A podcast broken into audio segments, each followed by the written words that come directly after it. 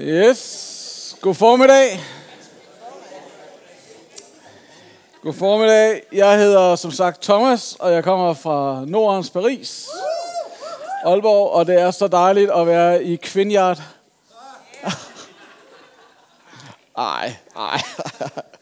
Det er i hvert fald dejligt at være her. Øhm, først, så, det første, jeg gerne vil sige, det er, at øh, det, I tænker sikkert ikke over det, men det er sådan, at vi er i Aalborg øh, normalt, og øh, vi er blevet plantet ud af jer. Og det der med at være tilbage sådan en søndag formiddag, det er som at føle, komme hjem. Øhm, og øh, når I ligesom kører jeres almindelige hverdag herover i stresset København, ikke? Øh, og prøver at få tingene til at hænge sammen, så er der faktisk en lille gruppe i Aalborg, der hver dag, når de står op med taknemmelighed, siger tak for København Vineyard. Tænk engang, at de har sendt os ud til det her totalt gudsforladte sted. Og tænkt, at vi skulle være i kirke der, det er vi så taknemmelige for.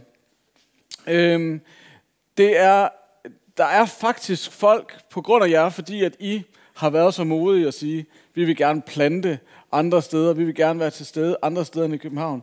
Så er der faktisk folk i Aalborg, der møder Gud. Øh, og øh, det tænker jeg nogle gange på, når vi er, sådan, har samtaler med mennesker, der sådan, bliver overrasket over Gud. Så tænker jeg, tænk gang, det er faktisk fordi, at vi blev sendt ud herfra.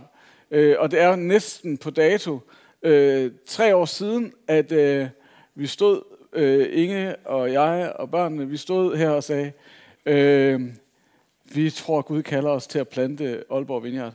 Øh, og øh, det har været en øh, interessant rejse, lad os sige det på den måde. Øhm, og jeg vil bare gerne sige, at Aalborg har seriøst brug for Gud. Og øhm, jeg har bare nogle ting, jeg har bare, lige til at starte med, jeg har bare taget med, fordi at sådan så ligesom kan se, hvad Aalborg er. Øhm, sådan så kan se, hvorfor det er, at vi har brug for Gud.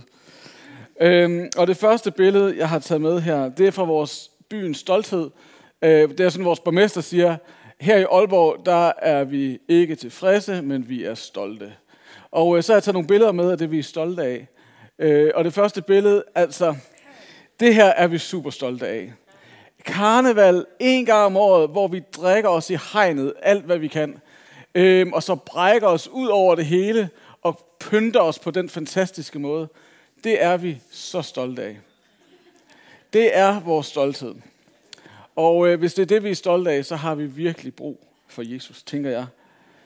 En anden ting, vi er stolte af, det er det her. Det er vores øh, bøf sandwich. Og i de her veganer klimavenlige dage, så er det jo svært at sige, at man er stolt af en bøf sandwich, fordi det er ikke veganerkød. Det er rigtig oksekød inde i brun sovs. Øh, og øh, det er vi bare stolte af. Og så kan man godt tænke, de har virkelig brug for Jesus, sådan, så de også bliver frigjort. Vi har forsøgt at lave veganerversionen af det der agurksat op på toppen der. Øh, men vi har brug for, at Jesus kommer og sætter os fri for brun sovs øh, og bøf sandwich. Og det sidste, det er jo sådan, øh, det sidste vi er stolte af, det er byen, en af byens sønner, øh, vores Johnny Hefti. Øh, og øh, hans største, han er rapper, hvis de er der ikke ved det. Øh, han er rapper, og hans største hit hedder Muggen Røv. Øh, og øh, de første linjer er, jeg kan næsten ikke sige det, øh, men du går kold, når du kommer til Aalborg.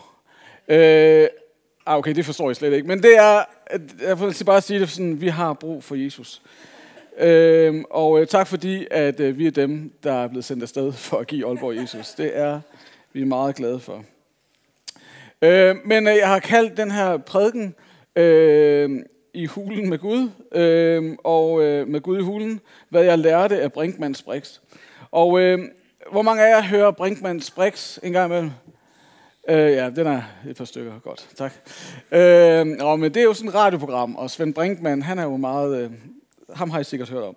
Og øh, på et tidspunkt, øh, så i mit Facebook-feed, så var der bare, altså den her udsendelse, alle kommenterede på den, og den skulle man ligesom ind og høre. Og øh, det var en samtale mellem øh, Brinkmann og Morten Albæk og øh, en professor fra Aalborg Universitet, øh, Anders Petersen, øh, som øh, havde en snak omkring, øh, hvorfor kan det være, at danskere på den ene side betegner sig selv som verdens lykkeligste folk, og så på den anden side ser vi en stigning i stress, angst, depression og alt det der. Og, øh, og noget af det, som de kommer ind på i samtalen, det er, at det måske er tab af mening. Måske er vi danskere, har vi tabt meningen med livet. Øhm, og øhm, jeg kan ikke helt huske, om det er sådan her ordret, men det, jeg tog med fra samtalen, det var et citat af Morten Albæk, som er sådan en filosof og ledelsesguru ting.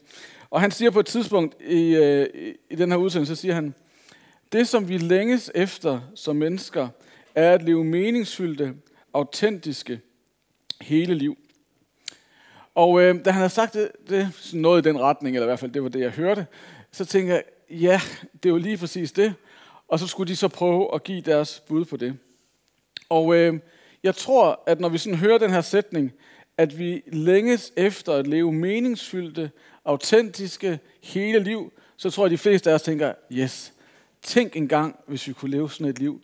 Det ville da være amazing. Tænk engang, hvis vi kunne leve liv med mening, hvis vi kunne være autentiske, hvis det kunne være, opleves helt, amen, så at på en eller anden måde er det det, som vi er skabt til. Det er det, som Gud han har skabt os til.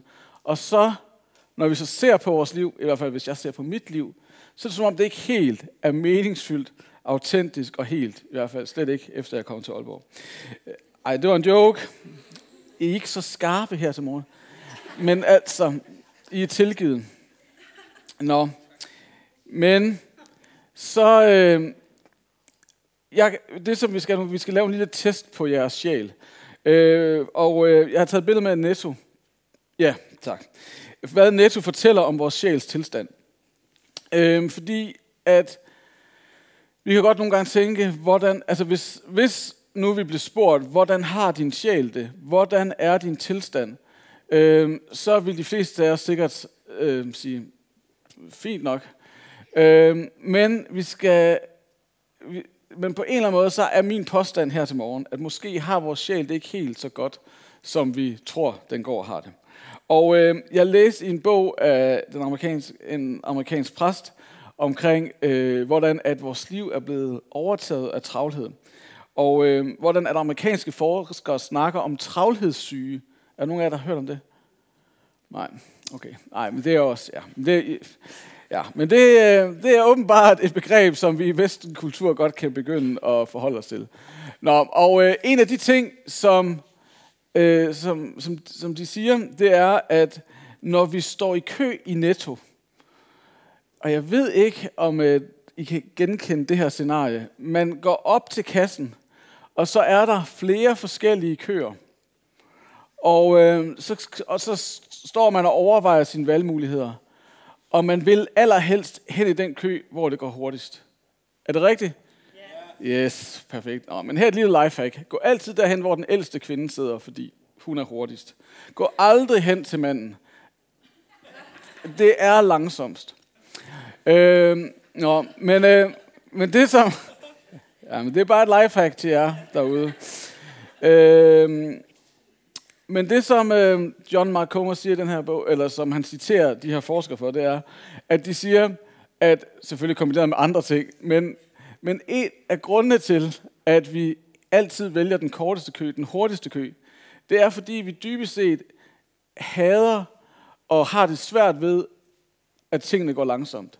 Vi har svært ved at hvile i, at tingene ikke går så hurtigt, som vi gerne vil. Vi har faktisk svært ved at være til stede, så derfor skal vi hurtigt videre til det næste.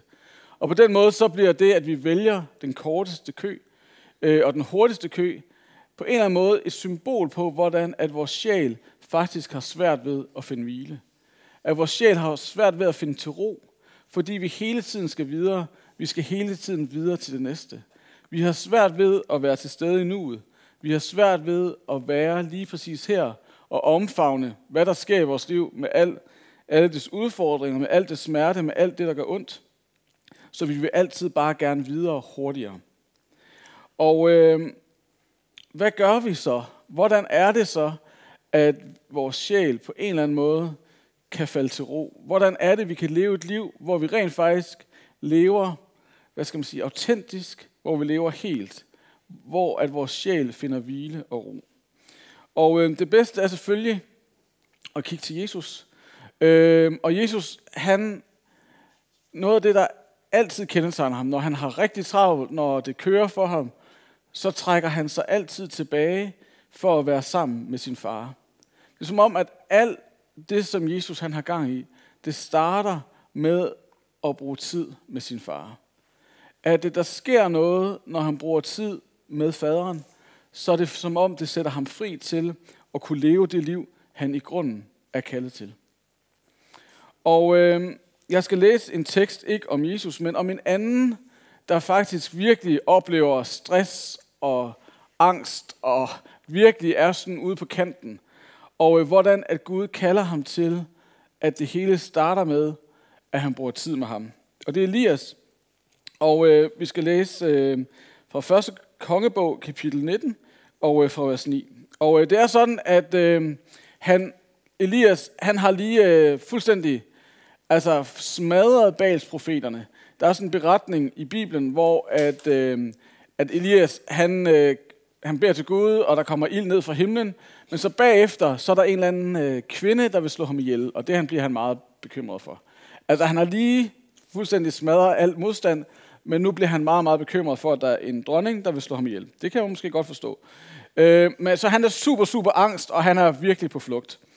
Og øh, så siger Gud, tage afsted, og øh, jeg skal gå med dig og øh, gå op i klipperne. Og øh, op i bjergene. Og øh, så står der sådan her. Der fandt han en klippehule, hvor han slog sig ned. Men Herren spurgte ham, hvorfor er du her, Elias?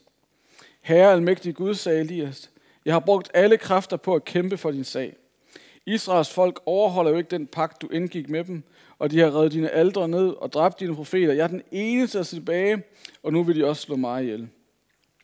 Gå ud og stil dig, så du kan se, når jeg går forbi.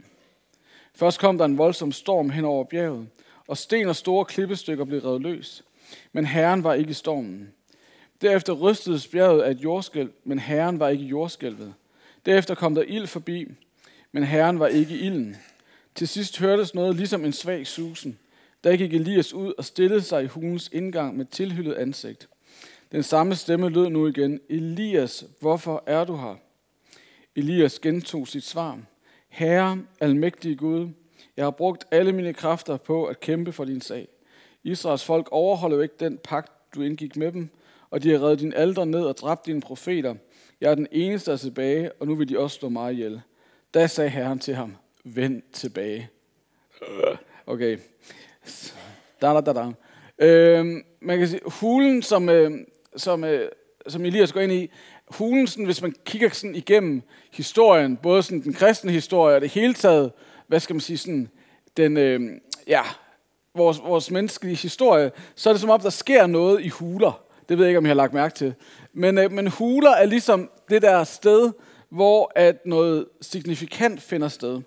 Og det, der ofte sker i huler, det, der ofte sker, det er, at øh, mennesker får et møde med det guddommelige, får et møde, og det er så næsten lige meget hvilken religion, vi sådan, der kan vi finde hulehistorier, hvor at mennesker har et møde, der sker noget i hulen. Og, øh, men det er også der, hvor at vi taler sandt om livet. Det er, når vi træder, ja, når vi går ind i hulen, når vi ligesom trækker os tilbage, det er der, vi rent faktisk tør tale sandt om, hvordan livet er. Og det er stedet, hvor vi omfavner vores skrøbelighed. Og øh, da, da Elias kommer ind i hulen, så spørger Gud ham, hvorfor er du her? Hvorfor er du her? Og det er det, der også sker for os, når vi på en eller anden måde bruger tid med vores far. Når vi træder ind det sted, hvor Gud kan, hvor vi er stille, det er også det, der sker for Elias. Det er, når der er stille. Det er, når alt virvar. Det er, når al, alle krav, det er, når alle ting ligesom har lagt sig. Så er det, at Gud han kommer i stillheden og spørger, hvorfor er du her? Og det er præcis det samme, der sker for os. Når vi tør træde ind i vores mentale hule, når vi tør træde ind der, hvor der er stille og hvor der er ro, så kommer Gud og stiller os spørgsmålet, hvorfor er du her? Og øh, man kan sige, at det som Elias i grunden fortæller Gud, det er, fordi jeg ikke kan selv. Jeg kan ikke mere. Det er som om, jeg er nået til grænsen, og alle andre har også svigtet, og nu er jeg her alene, og jeg kan ikke mere. Jeg kan ikke selv. Og, øh, og det på den ene side, så kan man sige, så tror jeg, at vi alle sammen længes efter at være et sted, være en hule, fordi vi længes efter at blive set. Vi længes efter at tale sandt. Vi længes efter at lade vores autentiske selv blive set af andre. Vi kan faktisk godt genkende det der med, tænk engang, hvis jeg kan træde ind i hulen sammen med Gud og fortælle ham, hvordan livet i virkeligheden er. Hvor jeg ikke behøver at leve op til en eller anden særlig rolle, hvor jeg ikke behøver at leve op til bestemte krav. Men tænk, hvis jeg kunne få lov til at træde ind et sted sammen med Gud, hvor jeg kunne fortælle ham, hvordan livet i virkeligheden er. Så det, det kan vi på en eller anden måde godt længes efter at være det sted, hvor Elias han er, hvor han tør sige, hvordan livet er. Men så samtidig, øh, så, øh, så er der også en frygt i os. Og øh, den danske filosof Peter Schødt, han siger det på den her måde. Frygten for at blive en fiasko i det her samfund er gigantisk. Man føler sig ikke som noget værd, hvis man ikke får fuld anerkendelse. Og det er lige præcis det, som er vores kæmpe udfordring. Det er, hvad nu, hvis vi træder ind i hulen og taler sandt om, hvordan vi i virkeligheden har det. Vil Gud os så? Vil han så omfavne os? Vil han så se os? Vil han så elske os? Vi har brug for at gå ind med Elias i hulen. Men vi tør ikke. Fordi at det at skulle tale sandt om livet, det kan gøre ondt. Det kan være smertefuldt. Og måske opdager vi, at livet er ikke helt så fantastisk, er ikke helt så utroligt godt, som vi måske troede det var. Og så samtidig, så går det også imod alt, hvad vores kultur fortæller dig og mig. Fordi at det der med at træde ind i et rum og være sårbar og tale sandt om, hvordan livet er, det forsøger vores kultur og vores samfund at holde os fra. Og øh, nu skal jeg, nu laver vi lige en speed, en speedrejse øh, igennem. Øh, prøv lige at komme med ham der, der ser helt vildt mærkeligt ud. Ja, ham der. Øh, det der, det, det er Anders Petersen, som også var med i det her program. Og han har skrevet, ja, han, det er en man tænker, altså, hvad kan han sige er klogt? Er det ikke rigtigt? Man tænker sådan lige, okay, så går der til en frisør eller et eller andet. Nå, men øh, han har skrevet den her bog, der hedder Præstationssamfundet. Og øh, den købte jeg så efter, jeg havde hørt det her øh, Brinkmanns Brix. Og, øh, og det, som han siger, det er, at vi er super, super udfordret i vores samfund og vores kultur, fordi vi lever i det her præstationsparadigme. Og han siger, at det, som uden at vi helt ved det, og måske er særlig bevidst om det, så det, som vi alle sammen er fanget af, det er, at vi skal være omstillingsparate, forandringsvillige, agile, aktive, fleksible, mobile, polyvalente, og det aner jeg ikke engang rigtigt, hvad er, initiativrige, udadvendte, effektive, sociale, positive, modige og robuste osv. Vi er præstationsindivider, og vi skal hele tiden udvikle os og være i gang. Det er det, vi skal. Så det der med at træde ind i hulen, tale sandt om livet, vise vores skrøbelighed, det er et no-go. Og for at det ikke skal være nok, så fortsætter han bare. Han siger, vi honoreres for altid at have en dør på klem for det nye. Vi holder vores optioner åbne, vi må optimere os selv, uddannelse, arbejde, familieliv osv., ellers synes vi at gå i stå. Derfor eksamineres vi konstant i, om vi kan honorere kravene, og vi eksaminerer os selv. Vi skal stikke ud, være autentiske og blive bedre versioner af os selv. Performance og perfektion. Det er det, som vi skal. Er det ikke fedt? Er det ikke bare gode nyheder? Og øh, så siger han så, og det er jo det gode, og det er derfor, han er lidt min nye held. Så siger han, der er en skyggeside. Øh, og øh, han siger, at skyggesiden er, at der skabes en kronisk belastning, der ender med at skabe angst og stress og følelsen af ikke at kunne slå til. Og det, som er hans hvad skal man sige, analyse af dig og mig, fordi vi lever i det her samfund, fordi vi lever i den her kultur, så har de aller, aller fleste af os, siger han, vi kan godt fornemme den der kroniske belastning. At vi hele tiden skal udvikle os, at vi hele tiden skal være på vej, at vi hele tiden skal optimere os selv, at vi hele tiden skal præstere. Og vi kan mærke, at det belaster vores system. Fordi vi ved jo godt, at vi ikke er alt, hvad vi præsterer. Vi ved godt, at vi er, eller teoretisk set ved vi godt, at vi er elsket og set af Gud. Men alt det, vores kultur fortæller os, det er, at du er kun så meget værd, som du nu kan præstere. At det er det, der former os. Det er det, der danner os. Og, øh, og hvis vi så oplever den der kroniske belastning, og vi mærker, som Elias han gjorde, jeg kan ikke mere, så er præstationssamfundets løsning til os, det er, at du skal udvikle dig lidt mere. Det er sådan set bare mere af det samme. Du skal lige tage dig lidt mere sammen. Du skal lige prøve lidt mere. Og øh, det, som der er udfordring for os, det er, at vi overtager præstationssamfundets idéer og overfører dem til vores syn på Gud. Og vi tænker, vi kommer på en eller anden måde til at sige, Gud har det garanteret på samme måde. Vi skal sikkert også leve op til alle mulige krav i forhold til Gud.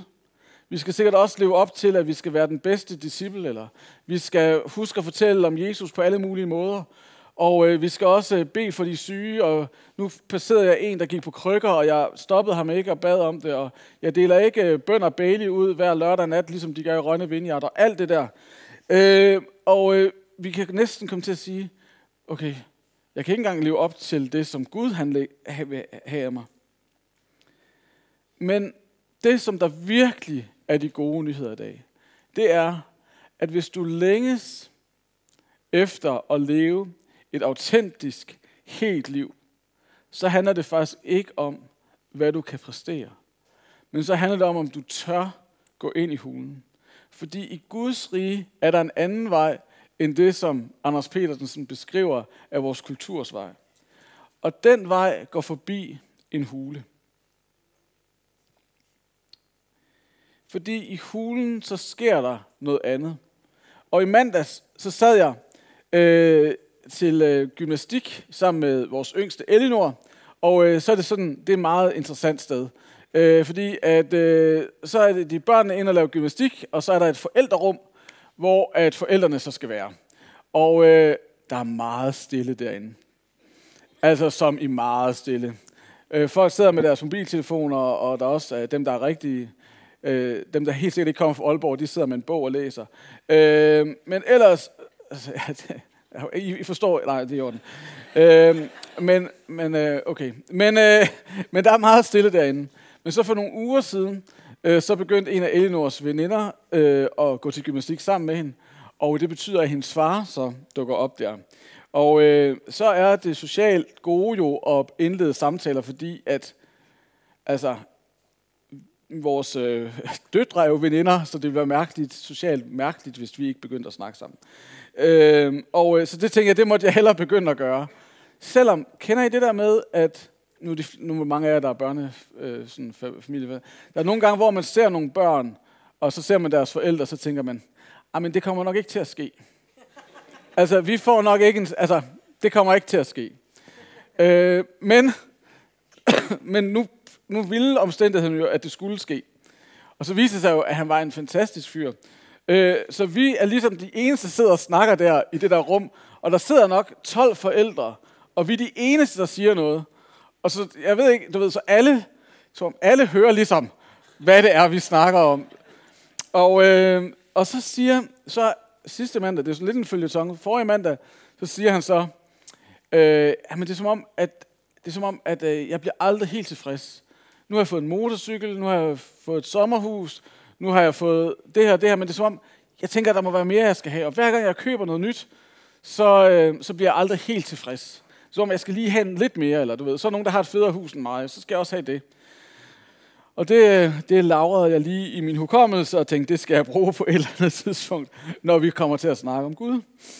Øh, fordi så skete der sådan noget i mandags, fordi altså så siger han så, altså så siger han så, hvad øh, Thomas, det der med, at du er præst, og så var det jo så ligesom ude i rummet. Øh, så siger han så, altså, altså fortæller du dine børn om Gud? Jeg siger, ja, det gør jeg faktisk. Nå, men fordi at uh, Johanne, hun er kommet hjem og spurgt mig, hvordan det kunne være, at Jesus skulle have søm igennem fødderne. Øh, og øh, det har jeg ikke sagt, det har vi, jeg har ikke fortalt hende øh, nå, siger jeg så, men det er nok fordi, at det ikke så lang tid siden, vi læser sådan en børnebibel, hvor at, øh, vi læste om det. Så det kan godt være, at Elinor lige sådan har kastet en bemærkning omkring det. Det kan man ikke vide. Øh, og, øh, og så får jeg sådan lige snart om det. Og så øh, siger han så, men hvorfor er det i grunden, at du tror? Og så kunne jeg ligesom høre, at der blev endnu mere stille i rummet. Altså det var som så blev der helt stille.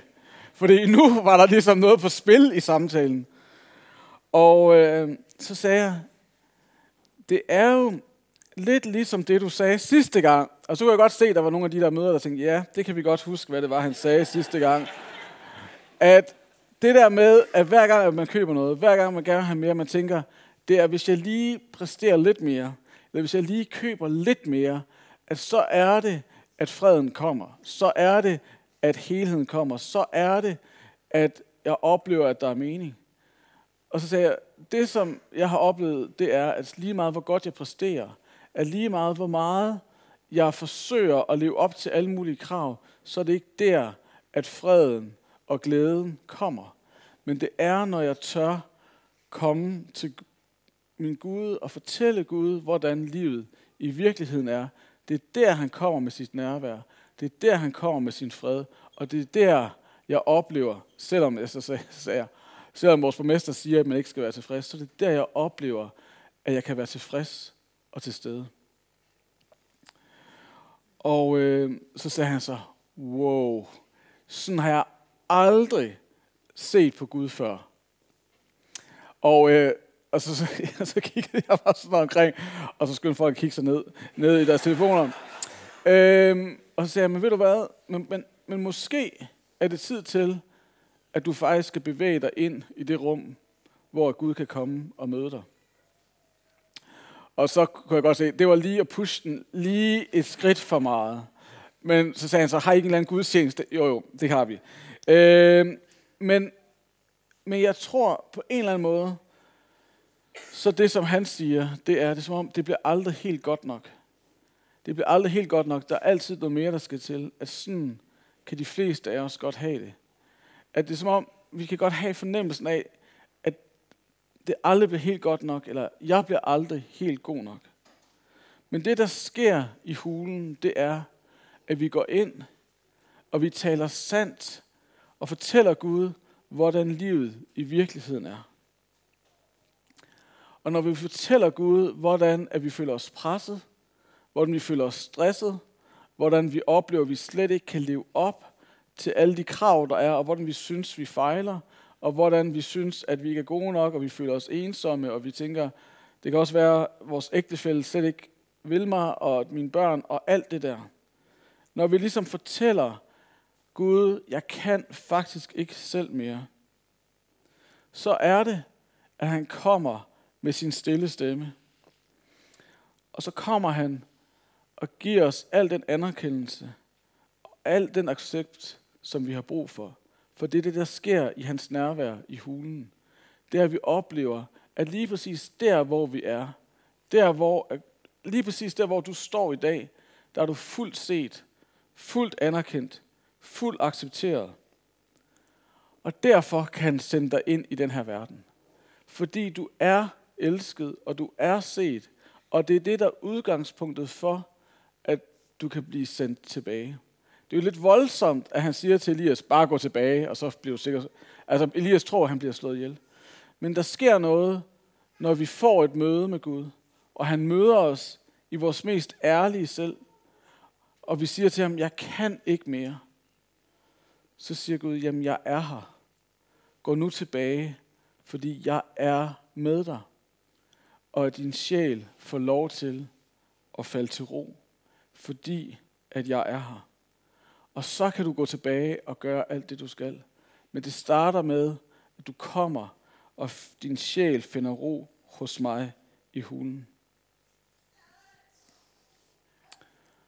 Så jeg aner ikke, hvor du er hen i dag, men jeg ved, at København, København er klart mere stresset end Aalborg. Og jeg ved, bare fordi jeg har levet her i 20 år, jeg ved bare, hvad det er byen. Bare det at bo i den her by, det stresser vores sjæl. Og vores sjæl kan have vildt svært ved at finde hvile. Og derfor så skal vi bare ind i den hurtigste kø i Netto. Fordi vi ved ikke helt, hvordan vi skal håndtere det, når vi hører, hvad vores sjæl siger til os. Så jeg er ret sikker på, at hvis du bare har det lidt ligesom mig, at så har du også i dag brug for, at din sjæl finder ro. At din sjæl finder hvile i Guds nærvær, i hulen sammen med Gud. Og, øh, og det, som vi skal gøre nu, inden at vi fejrer nadver, og det, det at fejre nadver, er jo også en måde at sige til Gud på, hey Gud, jeg har brug for at sidde ved dit bord. Jeg har brug for at blive rummet, set, elsket af dig. Jeg har brug for, at min sjæl finder hvile der. Så det er også det, vi gør i nadveren lige om lidt. Men inden da, så tænker jeg bare, at hvis du oplever, at din sjæl har svært ved at finde til ro, hvis du også længes efter det, som Morten Albæk kalder et autentisk helt liv, så starter det med, at din sjæl finder ro hos Gud. Sådan, så du ikke behøver at skulle leve op til alt det, vores præstationssamfund siger. At du ikke skal være polyvalent og udadvendt og alt det der, men at din sjæl bare kan finde ro. Fordi vi har brug for at mærke det. Så kan du lige om lidt, så, øh, så beder vi en bøn sammen. Og så kan du bare række dine hænder ud til Gud og sige, Gud, jeg kan ikke mere. Jeg har brug for, at dit nærvær kommer, så min sjæl kan finde hvile. Og så, øh, og så er vi stille lidt sammen, og lad Gud komme i sin stillhed, og tale til vores hjerter, tale til vores sjæl. Og så fejrer vi nadver, og så bagefter, så øh, er der også mulighed for mere forbøn, hvis øh, man har brug for det. Men øh, hvis du også længes efter, at din sjæl kan falde til ro, du længes efter, at Guds nærvær kommer og visker ting til dit hjerte, så ræk dine hænder frem nu, og så beder vi Guds ånd, Guds nærvær om at komme her midt i stillheden.